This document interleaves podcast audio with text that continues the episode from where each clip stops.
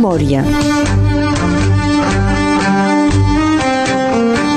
La nostra gent s'explica. Berenguer Ballester. Soc a Cabestany per fer memòria amb una dona poeta molt implicada en l'ensenyament bilingüe, és mestra bilingüe aquí a Cabestany i és la formadora de mestres bilingües. I dic la formadora perquè sembla que només n'hi ha una, abans eren més. Elisabet Margall, bon dia. Bon dia. I gràcies d'acceptar fer memòria, d'haver acceptat fer memòria i d'acollir-me a casa teua, aquí a, a Cabestany. Gràcies a tu. Ets la única formadora de mestres bilingüe a tot Catalunya Nord? Ara sí, sóc l'única. Uh, hi ha el meu company um, en Llorenç Renault, que és formador bilingüe, però que no té classe bilingüe. Doncs uh, sóc l'única a tenir classe bilingüe i a ser, I ser formadora. formadora. Sí. D'acord. I com cal entendre aquesta reducció? Uh, difícil de respondre, vull dir, uh, sempre amb aquest problema a l'educació nacional de tenir uh, mestres i postes i hi ha reduccions que es fan al nivell de los formadors i en ha quedat un. jo. Doncs tens més feina Tinc més- com a formadora que com a mestra, doncs. Molta feina, sí, perquè, per exemple, aquest any, en fi, els, els anys eh, precedents també, són quatre joves que han obtingut el concurs i que he d'acompanyar en aquesta formació i a més d'acompanyar, perquè la meva missió principal és aquesta, d'acompanyar-los, però també tinc missions eh, altres a costat, eh, vàries, i eh, només tinc un dia de descarga a l'escola per poder eh, portar aquestes missions. Estic a escola els dilluns, dimarts i divendres i eh, tinc el dijous de lliure i cada tres setmanes també el diu, un dilluns per poder eh, també intervenir i fer Doncs la formadora de mestres tant forma els que volen ser mestres com acompanya els que han passat el concurs. Mm. Exacte. És això, eh? Sí, hi ha la formació també contínua, Sí. és a dir que també intervinc a, a, a prop dels mestres que ja són mestres bilingües i que necessiten un acompanyament o una formació, animacions pedagògiques, després també habilitacions a català per fer part del jurat, hi ha molt més coses. Eh? Bon, ho comentarem després, D'acord, també, sí, tota la, la feina de mestre bilingüe, a més a més, mestre bilingüe en un temps de pandèmia, o mestre simplement, Mm-hmm. en temps de pandèmia, i també eh, la teva feina com a formadora de mestres bilingües. Parlarem, evidentment, de poesia, parlarem també d'ensenyament bilingüe, amb una dona que hi va arribar més tard que la majoria de mestres que passen el concurs. Tu el vas passar quan tenies 38-39 anys. Ens ho explicaràs també, això, eh? D'acord. Elisabet Margall, tu ets filla d'un pare i d'una mare sud-catalans, ell de Granollers i ella de Barcelona, que un dia decideixen venir a treballar aquí a Catalunya Nord, ell és pairer, és paleta, i li diuen que aquí hi ha molta feina. Ells venen l'any 60, és el juny del 62 que comença la construcció del molí de vent, per entendre que hi havia molta feina per fer a nivell de construcció. Com va anar aquesta història? Um, ell treballava doncs, a Granollers com a paleta i un company que tenia lligams aquí uh, a Perpinyà amb una empresa també de construcció i li havien comentat aquí que faltava, faltava mà d'obra doncs eh, va, quan va tornar a Granollers li va comentar, li va dir, escolta'm, si vols, hi ha, i a més hi ha un lloc per tu interessant com a contra, contrametre, en fi, Sí. com a, i que et podria interessar, vés, vés a part meva, vés a veure, i em sembla que és quan va trobar, li va dir d'anar a veure eh, en Jaume Cornudella, de part seva. I els meus pares era l'any, el juny, es van casar el juny del 1960 i van decidir de fer eh, el viatge de novis a Catalunya Nord. I eh, van aprofitar així d'anar a veure aquesta veure, persona, sí, veure ah. una mica, van passar, em sembla que van anar, anar amb tren, van passar per la Tour de Carol, en fi, van tot... I van arribar aquí a Perpinyà, van tenir la, aquesta entrevista Sí. i van decidir. Van ser molt atrevits, eh? perquè aquesta, a 25 anys van deixar eh, tot, no, no sabien parlar francès o molt poquet, eh? I es van instal·lar aquí. I com es va fer la integració aquí? Treballen en aquesta empresa, Mm. tenen contactes sud-catalans també en aquesta empresa, però a nivell social, com es fa la integració? Em sembla que la integració es va fer bé perquè a l'empresa només havien catalans, espanyols, portuguesos que treballaven, doncs el meu pare no va tenir problema de i era una empresa més també eh, dirigida pels per catalans, doncs no va tenir cap problema d'integració al nivell de la llengua, era com si estiguessin en una regió, eh, en fi, en un país català. Sí.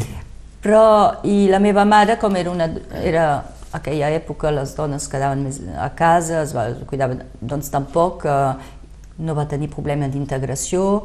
En el barri anava al, al forn, que també parlaven català també en aquest moment, doncs em sembla que no van tenir problema d'integració. Jo vaig néixer aquí, però igual eh, va ser un atzar, vull dir, hagués pogut néixer al sud, eh?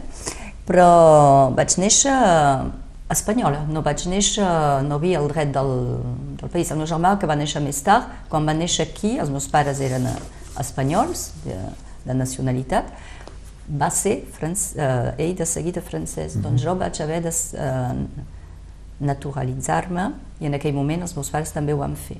I els hi van demanar què havíem fet per la França. Per França. I van contestar dos fills. I era un bon argument aquest? L'anècdota. Elisabet Margall, has parlat de Jaume Cornudella, m'agradaria parlar d'ell, perquè Jaume Cornudella va ser una personalitat política de l'independentisme català, molt respectat eh, per la policia i les autoritats franceses pel seu paper a la resistència. Jaume Cornudella va viure a Perpinyà, va tenir la Legió d'Honor francesa i va rebre reconeixements dels governs americà, anglès, eh, polonès, perquè havia organitzat xarxes d'evasió. I sé també eh, positivament que Jaume Cornudella va ajudar a molts refugiats sudcatalans. Ell va morir l'any 83. Tu el vas conèixer, Jaume Cornudella, doncs? El vaig conèixer, molt ben conèixer, perquè vivíem a la mateixa, a la mateixa casa, en fi, a la mateixa residència, una residència que era construïda per la, justament per la, per l'empresa on treballava el meu pare. És ell que va rebre el meu pare i que li va fer els papers contractant el meu pare a l'empresa. I doncs eh, sempre els he conegut, sempre Com a veïns, Com a doncs, fill, veïns, i, col·lega més- del pare, també, esclar. amics. I, Amics. I amics, molt amics, sí, sí. Érem molt amics, eh, compartíem molta cosa. Ells vivien al segon, nosaltres al setè pis, i compartíem molt, molt i molt, i ens van, eh, ens va, sí, va ajudar molt els meus pares, segurament, a la integració, justament Sí. aquí també, i eh, vam compartir moltes coses. Tenia tres filles, i la més jove tenia la meva edat, doncs també amb la Joana també teníem eh, lligams, eh, vet aquí. El teu pare era enganxat políticament? Eh, enganxat políticament no, però eh, evidentment que amb aquest cercle Sí. d'amics eh, eren, Hi havia era, era que... sobretot el, el meu avi, eh, els meus avis de la, al costat de la meva mare, maternals, que van venir, també van seguir els meus pares, un o dos anys després van venir aquí. El meu avi era bastant eh, implicat, sabia, vull dir, eh, era també, eh, havia fet la guerra, ben Sí. segur, i I sé, Elisabet Margall, preparant l'emissió m'ho has explicat, que a través de Jaume Cornudella veu tenir tractes amb el president de la Generalitat a l'exili, Josep Tarradellas. Sí, sí, sí, la- més d'una vegada, perquè quan justament venia aquí a Perpinyà per uh, certes commemoracions, com a Sant Cebrià per la commemoració d'en Companys, uh, nosaltres fèiem part uh, de anàveu també? També hi anàvem i l'havíem eh, més una vegada quan venia a casa d'en Jaume, doncs nosaltres hi érem, uh, hem menjat junts i amb la Joana tinc una foto que eh, on fèiem com de secretàries quan havia vingut amb, Del no sé de què, amb en Tarradellas, sí, en fi, de, de, no sé, anotàvem la gent que venia, en fi, i estàvem allà al mig. I fins i tot quan em vaig casar em va escriure, eh, l'havíem convidat i em va escriure una, una carta molt bonica. I va venir? Que encara tinc. No, no va, Ah. no va poder venir, i, uh, i, però em va escriure una carta molt bonica, que guardo. Després va seguir, doncs, quan va tornar i va ser restablert de la Generalitat i va ser president. Hem, vam tenir l'ocasió de beure xampany més Sí? una vegada per celebrar el seu, va poder tornar. D'acord. Venim del nord, venim del sud, de terra endins, de mar enllà. I no creiem en les fronteres si darrere hi ha un company amb les seves mans esteses on per vindre alliberat. I caminem per poder ser i volem ser per caminar. Venim del nord, venim del sud, de terra endins, de mar enllà. I no ens mena cap bandera que no es digui llibertat, la llibertat de vida plena que és llibertat dels meus companys. I volem ser per caminar i caminar per poder ser. Venim del nord, del sud, de terra endins de mar enllà no sabem himnes triomfals ni marcar el pas del vencedor que si la lluita és sagnant serà en vergonya de la sang. I caminem per poder ser i volem ser per caminar. Venim del nord, del sud de terra endins, de mar enllà seran inútils les cadenes d'un poder sempre esclavitzant quan és la vida mateixa que ens obliga a cada pas. I caminem per poder ser i volem ser per caminar que caminem per poder ser i volem ser per caminar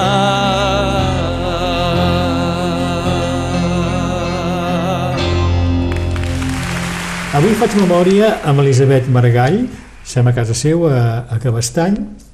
Ja sabem que tu neixes a Perpinyà l'any 61, que els teus pares, que són sudcatalans, de Granollers el pare i de Barcelona la mare, han vingut a treballar aquí i treballen en una empresa de construcció. Ella és contramestra. Sí, La, la primera escola maternal és el Bernet, sí, i passes un any. Pastor la, a la Martina, A casa parleu català, sí. i què passa a l'escola? Jo no tinc cap record de l'escola, era molt petita, em van posar a l'escola a dos anyets, perquè volien justament potser l'integració als pares i al nivell de la llengua, perquè jo no havia sentit mai a parlar francès, perquè era petita, i havia, els meus pares encara, en fi, a casa sempre hem parlat català i parlem encara català. I doncs, bon, vaig fer la meva entrada a l'escola i un dia, no sé, la meva mare va anar a veure la mestra per demanar alguna cosa o potser... I la mestra va quedar parada de veure que la meva mare parlava català i no sabia parlar francès. No s'havia donat que jo podia ser uh, estrangera, entre cometes, perquè me vaig integrar de seguit. De seguit vaig fer la part, de, vull dir, vaig parlar en francès a l'escola directament, sense cap problema, i a casa parlava català. Això me va seguir molt temps, és a dir, que jo pensava que aquí a Catalunya Nord no es parlava català a fora de casa o de la, del meu àmbit de coneixences al entorn meu. Per mi, eh, vull dir, les, havia l'escola, era francès, les meves amigues al barri francès, i no havia pres aquesta consciència gens que... No aquí- sabies que aquí era un país català, també? Era Tampoc, no. Una història... Petita, petita, no. Per mi era, estàvem a l'estranger, en fi, era Estava a França. a França, vet aquí. Estava a França, doncs, el francès, i, no? i la gent que eren catalans que estaven aquí era perquè o havien fugit eh, o, A la retirada o, la o retirada o, treballar, clar. o perquè necessitaven uh, treball. D'acord. Uh, un parèntesi, ets poeta, en parlarem després, i la poesia per tu comença ben aviat, no? De petita? Sí, de petita ja escrivia petits poemes. En francès? En francès, sí. Sí.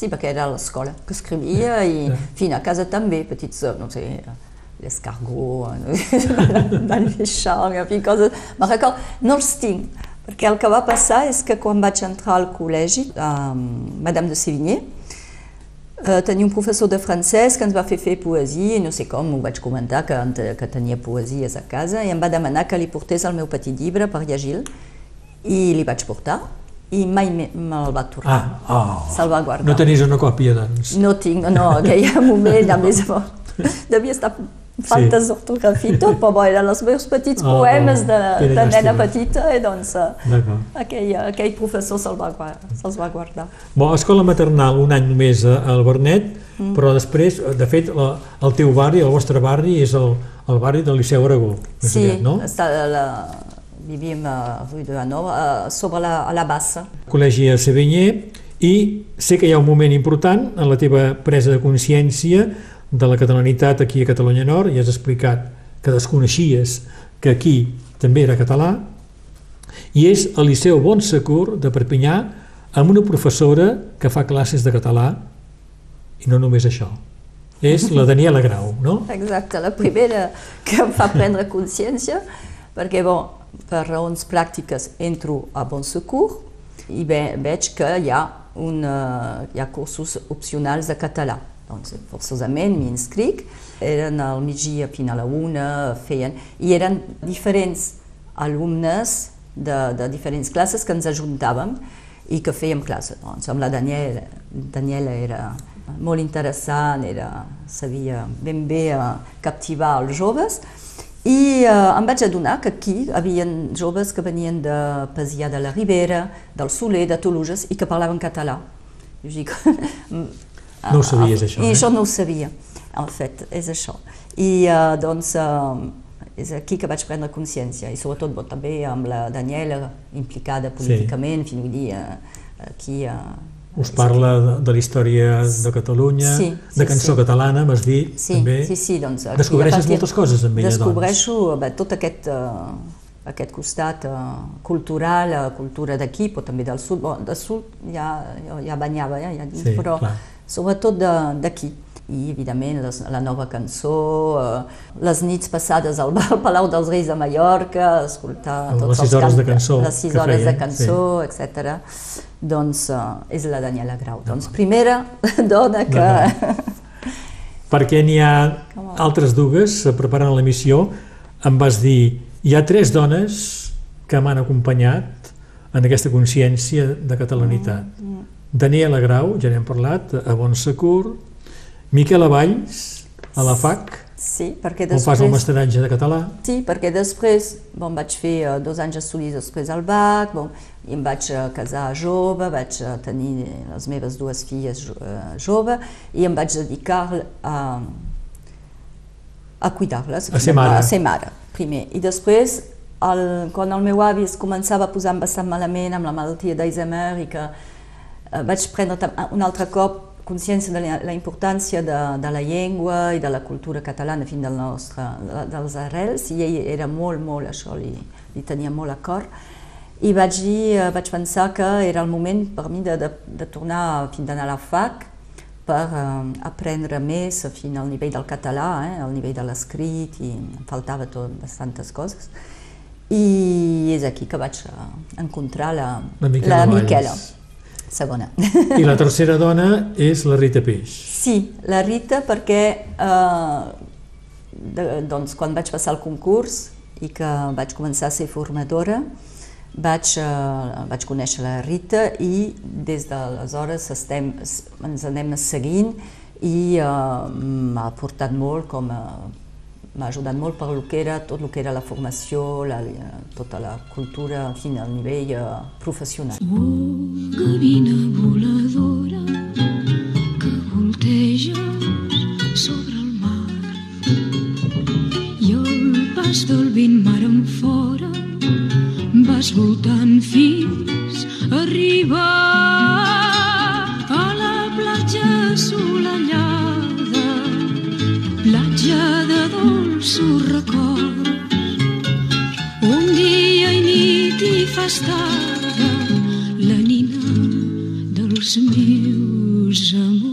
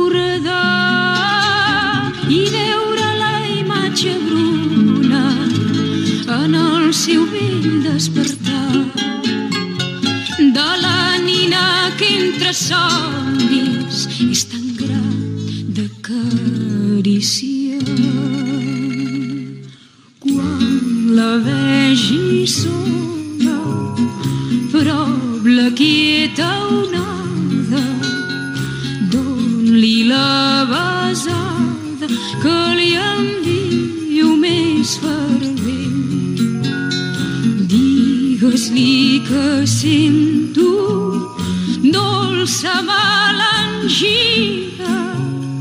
i que en ella penso en tot moment. Memòria a Ràdio Arrels, amb Berenguer Ballester. Elisabet Margall és un matí del mes de gener del 2022 a casa seua, a Cabestany.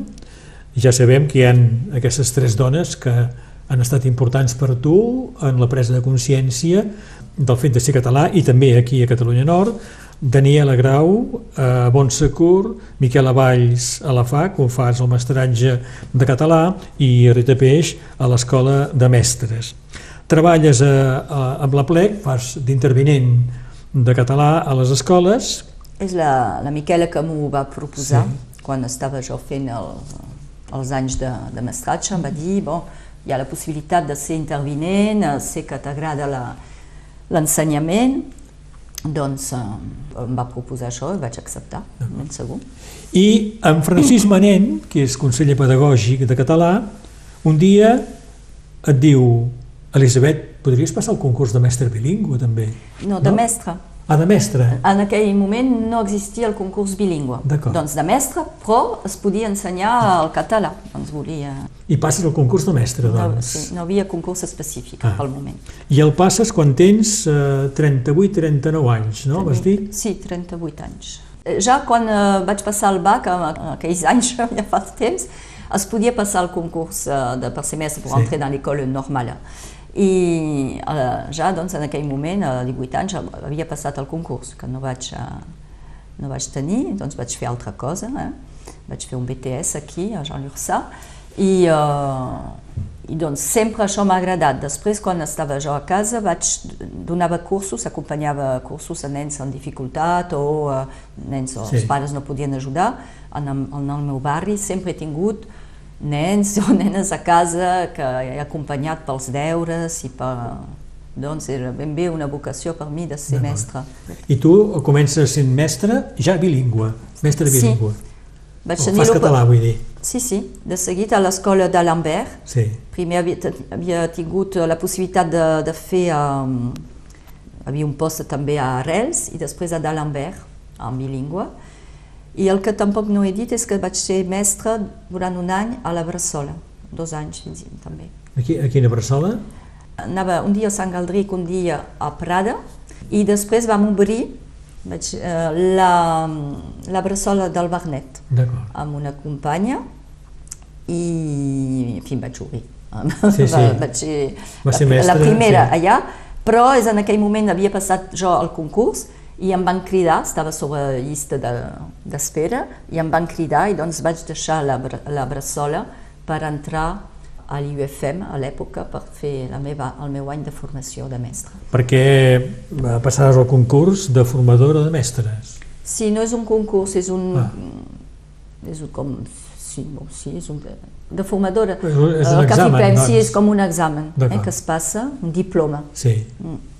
Doncs eh, Uns quants anys després, el 2003, em sembla, tres anys després d'haver estat en classe, i el 2005 vaig començar de formadora. Des del 2005 soc formadora. doncs de Lambert, Rigau i Filament Cabestany. Bo, Barrasola i Cabestany. Mm. Ara estàs a Cabestany, ets mestre bilingüe, CM1, CM2, a l'escola Jaca Prever. Sí. Com heu viscut eh, aquí a Cabestany tot el tema de la pandèmia, les dificultats, les normatives que van canviant, aquesta mena d'inseguretat que hi ha per la possible contaminació? Com s'ha viscut això en una escola? Uh, Fins al primer any, quan vam tancar, era molt... eh, És veritat que era, provocava un cert estrès, eh? Sí. perquè no sabíem gaire on anàvem i efectivament l'ensenyament a distància no és ensenyament, eh? Posa, ens posava molt, molt malament que siguin els nens com nosaltres, però vam, vam fer el que vam poder i per poder continuar a fer el català sobretot gravàvem llibres també, eh, de, estem inscrits al llibre vivent, doncs eh, gravàvem les novel·les o els llibres eh, perquè els nens puguin escoltar català i parlar, perquè era el nostre problema en, en classe bilingüe era de fer, de mantenir eh, l'ensenyament eh, del català. I s'ha pogut Doncs, eh, mantenir un, un cert ritme? Sí, sí, sí. Uh, fent aix- així, Sí. sí.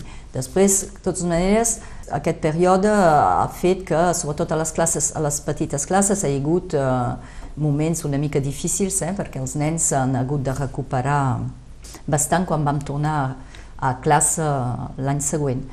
Ara jo com tinc nens de classes de CM1, CM2, són més grans i se'ls pot, és més fàcil de treballar així a distància. Uh, no vull, no vull pa- parlar-ne gaire, de dir que pel moment a la meva classe no ha conegut cap, no hem tancat la Sí. meva classe, n'hi ha d'altres malauradament que han tancat perquè les mestres o han estat malaltes o en aquell moment on se tancava perquè havien tres casos o què. No, nosaltres encara estem aquí i anem continuant, ens falten Sí. de vegades dos nens o dos, però jo aguanto i espero que Molt bé. aniré Eh, po- es aguantant. pot explicar uh, quines són les famílies que han optat pel català a l'escola de Cabestany? Doncs uh, famílies que han optat són famílies que segueixen força els nens dins l'ensenyament, no forçosament catalanoparlants, quasi bé n'hi ha molt poques, encara aquí queden uns quants que, que diuen que els avis parlen, que són d'origen, però hi ha molts, uh, ja comença a ser minoritari, persones que eh, veuen la importància de les dues, aquestes dues llengües, de la, de la llengua del català amb l'obertura al sud. Això és, eh, és una de les primeres raons. Ja, ja sabem que ets formadora de mestres bilingües, ets la formadora de mestres bilingües aquí a Catalunya Nord, ja ho has explicat. M'han arribat algunes crítiques. S'ha dit que hi ha estudiants que fan el concurs bilingüe amb molt poc coneixement de català per estar segurs que es podran quedar aquí al departament i no anar on sigui a, a l'Acadèmia de Montpeller. Això és veritat? Jo em sembla que no, no pot ser veritat perquè justament, primerament hi ha una formació i doncs, que ens permet de veure, en tot cas a l'INSPE, eh, l'antic IUFM, que ens permet de veure amb la Rita, de, sobretot ella ho veu, eh, els, els nois que, té, que tenen la possibilitat, les capacitats, i sovint eh, ens ha arribat d'haver de, de dir no el passis perquè no, tens, no tindràs el nivell. I hi ha justament aquest concurs específic que fa que si s'han inscrit en aquesta formació i s'han inscrit en el concurs, quan el passaran no podran obtenir el concurs, perquè al nivell de l'escrit hi ha una selecció important eh? i al nivell de l'oral. Doncs tots els que tenen el concurs de mestre bilingüe dominen el català, tant escrit com oral. Han de dominar el català, ben segur. Doncs la segur. crítica que deia jo no és veritat. Mm. No. la desmenteixes, no. doncs. Sí, eh? la desmenteixo al nivell de la llengua. Al nivell de la llengua. Uh, evidentment que de vegades el nivell pot ser una miqueta en deçada, Sí. que, però verdaderament tenim els estudiants motivats que faran un esforç per si no, de totes maneres no passen el concurs, D'acord. eh, que hi ha notes eliminatòries que fan que no poden passar. Estudiants motivats i pocs, no? És això, és que són molt pocs. és el nostre problema actual. Sí. Necessitaríem fer una promoció eh, per a aquest concurs. Ja de, bastant aviat, al nivell del, del liceu, eh, s'hauria de fer eh, i de presentar aquest concurs. Quantes places hi ha a cada convocatòria de concurs? Justament, eh, per exemple, l'any passat eh, i els anys en teníem cinc, però perquè justament la selecció no és perquè en tenim cinc, que agafem cinc que es presenten, Sí. és a dir que només n'hem tingut quatre, perquè eh, hi ha aquesta selecció que es fa al nivell de la, de, de la llengua, eh? de la, les, del coneixement de, dels joves que es presenten. Doncs eh, necessitaríem tenir molt més que es presentin per poder tenir més eh, tria. Esclar, és, sí, això. sí. és I qui són aquests joves que, que volen passar el concurs de mestres bilingües? D'on venen aquests? Doncs són joves que han fet, hi ha uns quants que han fet la, la FAC de català, però també que han fet dos cursos al Sí. mateix temps també, d'altres que tenen també a casa avis o que, que, hi ha un, que tenen també un, un viscut català i que s'hi posen. És. Par les soirs bleus d'été, j'irai dans les sentiers, picoté par les blés, fouler l'herbe menue, rêveur j'en sentirai la fraîcheur à mes pieds, je laisserai le vent baigner ma tête nue, je ne parlerai pas je ne penserai rien. Et l'amour infini me montera dans l'âme. Et j'irai loin, bien loin, comme un bohémien, par la nature heureux, comme avec une femme.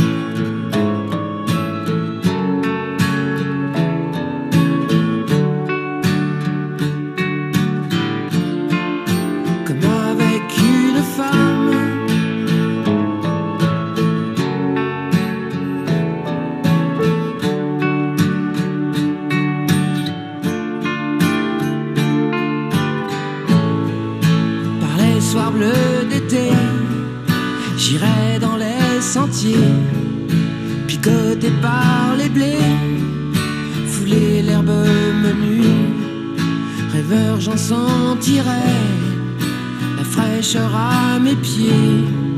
Je laisserai le vent baigner ma tête nue. Je ne parlerai pas, je ne penserai rien. Et l'amour infini me montera dans l'âme.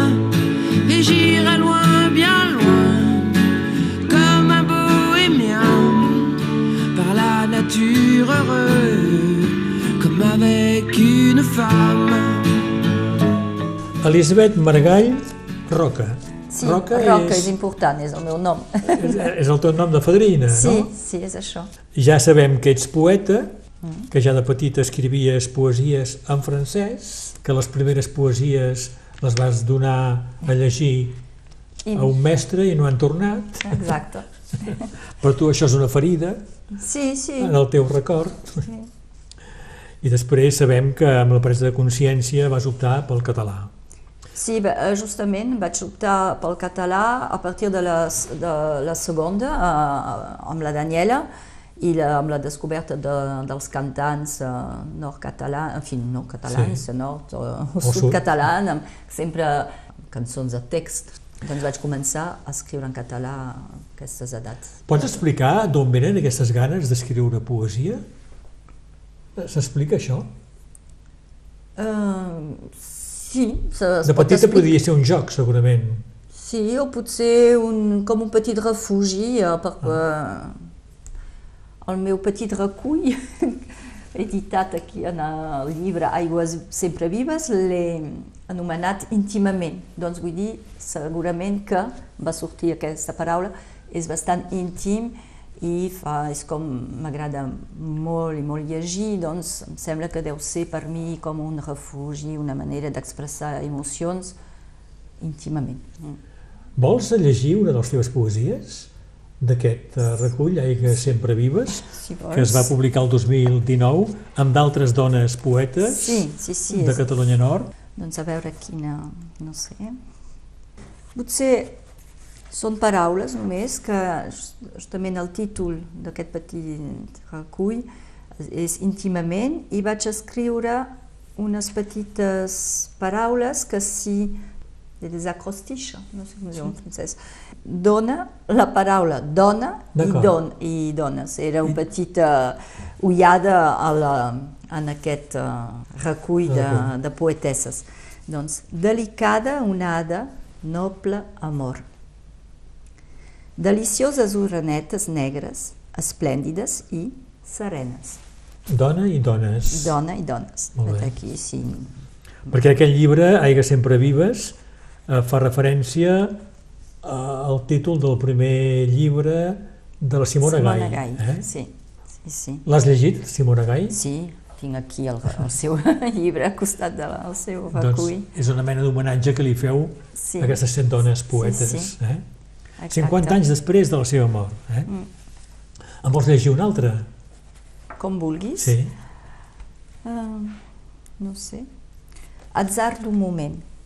En un caminet pedrós on cada pas va comptat, amb tu m'he trobat. Una mà forta i suau fins a la punta del camí m'ha acompanyat. Amb els ulls tancats, l'alè curt i ràpid, m'he abandonat. Ha estat l'atzar d'un moment i l'encant m'ha deixat pendent d'una mà forta i suau. Molt bé.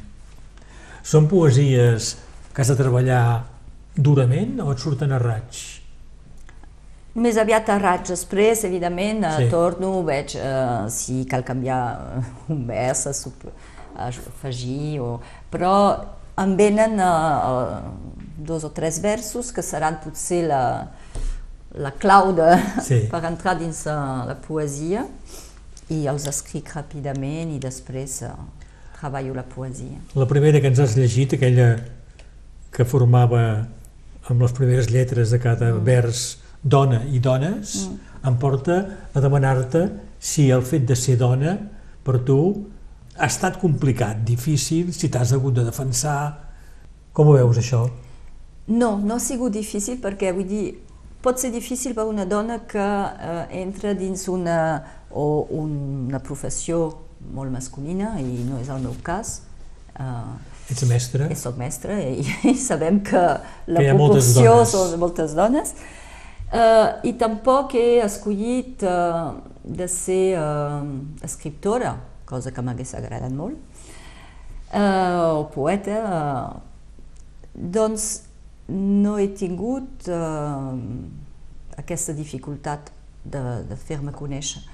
Ara bé, ho entenc que és complicat per poder crear, perquè efectivament tenim tantes vides a viure com a dona, eh? Ser mare, ser dona, ser uh, esposa, ser... Uh, fi, i treballar, uh, doncs l'instint maternal fa que sovint Sí. fem passar primer totes aquestes missions que no uh, el temps de creació. Doncs espero jubilar-me, en fi, em jubilo aviat, doncs espero tinc molts projectes, eh? Projectes Eh, crear, literaris? sí, de crear, eh, m'agradaria passar més, en fi, més temps, temps, perquè ara Sí. no, no em passo gens, temps eh, a crear, en fi, a continuar escrivint la meva petita poesia, potser uns contes per infants, eh, la Joana m'ha m'ha contactat dient-me que tenien un projecte entorn d'això i m'ha donat ganes perquè eh, a les meves netes els hi he explicat sempre, els hi he contat sempre moltes històries, però oralment, sense escriure-les, doncs potser seria el moment de posar-les sobre un full. Per cert I- que les teves netes escriuen poesia També, també. catalana i són també en aquest llibre, aquest recull Sí, de, cada... de poetes, dones catalanes del nord. Sí, vaig voler mostrar, vaig demanar eh, si era possible i vaig voler mostrar que la relleva la teníem, eh? Sí. ja amb les, les filles i les netes i, i hem d'alimentar a- això. Hi ha una relleva eh, assegurada amb les teves filles, Mm? deixem ara les netes, les teves filles, perquè eh, tens dues filles i crec que les dues s'han instal·lat a Cerdanya, una és mestra bilingüe a Cerdanya i l'altra és infermera. Sí, bon, va ser un atzar, en fi, una, primer la meva filla, doncs, que és mestra bilingüe, la mutació la va tenir, eh, va, no va escollir, va, va anar a parar a Cerdanya, que primer, ai, ai, ai, què faré allà?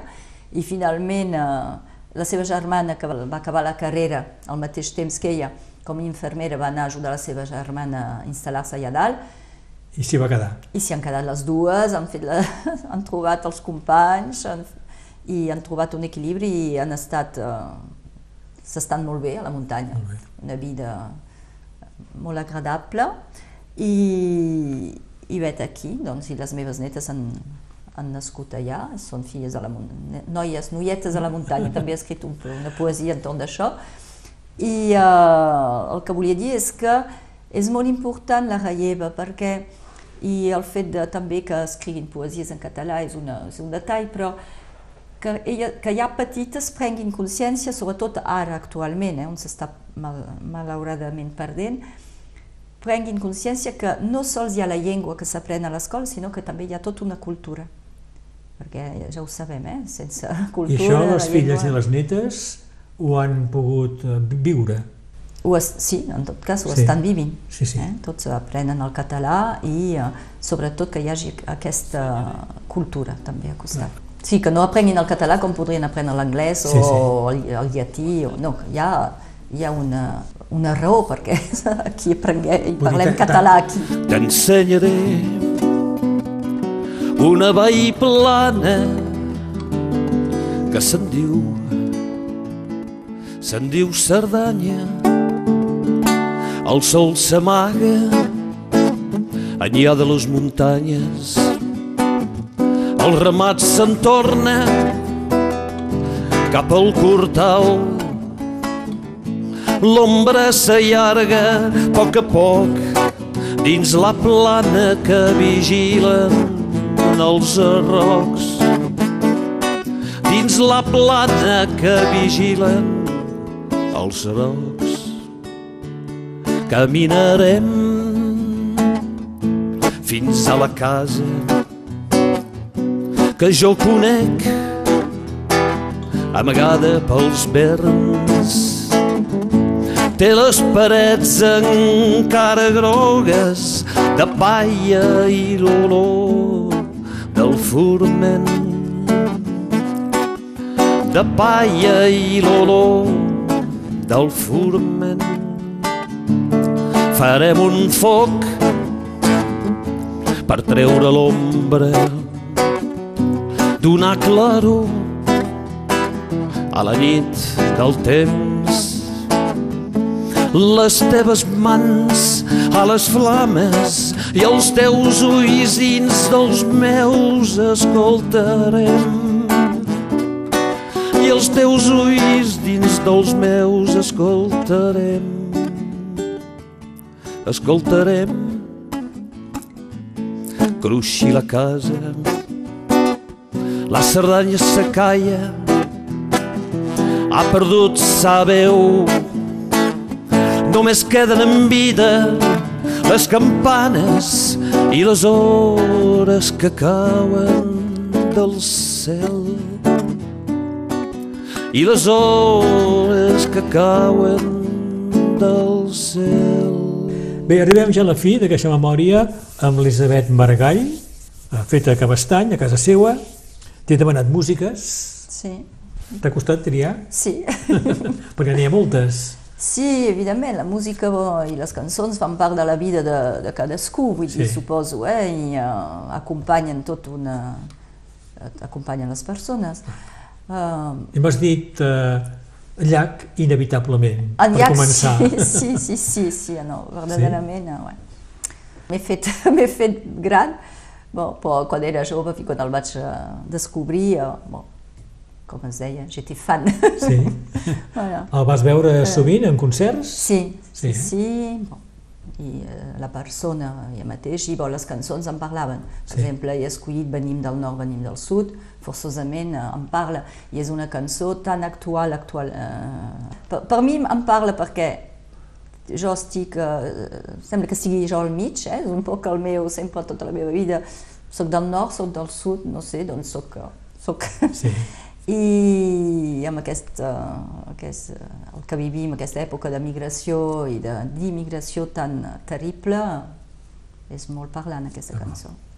I l'altra que m'has demanat és la d'en Cris Cairol, Cerdanya, Sí, per les filles. pel que acabo de comentar, Sí. és a dir, que les meves filles han estat eh, adoptades per la Cerdanya, nosaltres hi anem molt i, i la muntanya és un, un lloc on m'hi trobo molt bé. I el mar també m'has dit. I el mar també, No? evidentment, tots més som catalans, som... Som, tenim un país perfecte Exacte. amb mar i muntanya. Mar i muntanya, eh? Mar i munts, que és el projecte de l'escola que fem, eh, és ineluctable, inevitable. I la gavina de la Marina Rossell. Sí, perquè és la costa, són les meves són Sí. les vacances amb el meu, marit a, a la costa cada any, les habaneres, la, tot aquest ambient. Els meus avis hi anaven i també era, hi ha una continuïtat, de totes maneres. I eh, també eh, vols que sigui present la poesia en aquesta tria musical, no? Bon, ja hi és, perquè amb, amb en Llach, Sí. amb en, en fi, tots aquests ca- Però poesia, cançons, poesia, en aquest cas. aquí poesia, bon, sí, amb eh, Rimbaud, eh, perquè és un poeta que m'agrada molt des de fa molts anys, fins de quan era jove, Rimbaud. No? He escollit la cançó de Jean-Louis Aubert, de, la cançó de Jean-Louis Aubert, la interpretació Sí. de Sensation de Rimbaud. I per acabar, has dubtat, encara dubtes, de posar o no posar el virulai? Sí, bo, el virulai, perquè dubto perquè és una mica fa místic, trobo, aquest, però era més aviat perquè si he escollit cançons que han puntuat la meva vida o que tenen una importància, el virulai efectivament fa part també no de la meva, sinó de la nostra Sí. vida, de la família. És dir, que sempre tots els esdeveniments que siguin esdeveniments com bat, el casaments, batejos o enterros, el virulai és present. Doncs potser perquè també encara aquesta necessitat de continuïtat, perquè ara m'estic fent gran i veig la, la necessitat, potser que és- era important Sí. també que hi fos, en memòria més de la, de la meva família i dels que han marxat. Memòria de la família, però també el virulai és com un, com un himne És català, himne, també, és, eh? és l'himne, evidentment. Sí, sí. És això, eh? sobretot la meva família, en fi, de- parlo de la catalanitat que, que, que hi ha a la meva família. I també, si tenim temps, eh, els Eagles, amb Hotel. Califòrnia, poc diferent del virulai, Un sí. poc, un poc, sí. Però és per això, és el que deia, les Sí. cançons, les músiques, eh, bo, després hagués pogut eh, un extracte de, efectivament, de, de música clàssica, m'agrada molt, bon, Chopin, Sí. sí. Brahms, però bo, no, No podem pas no posar podem passar tot, tot, eh? eh? En fi, m'ho passo jo a casa, ja n'hi ha prou. Molt bé, Elisabet Margall Roca, estic molt agraït que hagis acceptat fer memòria, que m'hagis acollit aquí a casa teva, a Cabestany, a un matí del mes de gener del 2022. Moltes gràcies a tu. M'ha permès parlar sobretot del, del meu treball de mestre bilingüe, de la importància que li, que li dono, eh, d'aquest acompanyament sí. dels nens, però també dels joves que, que entren dins aquest uh, treball.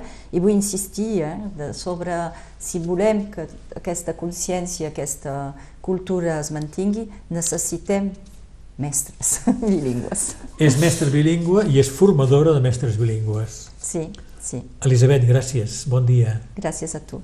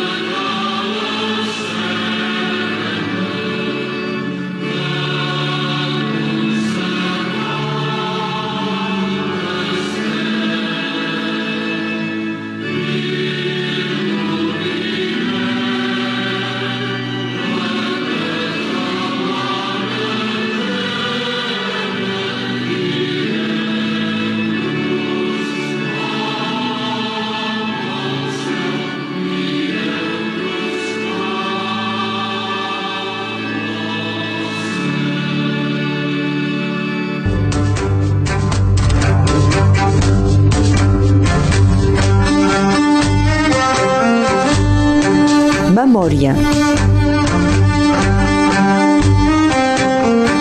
La nostra gent s'explica.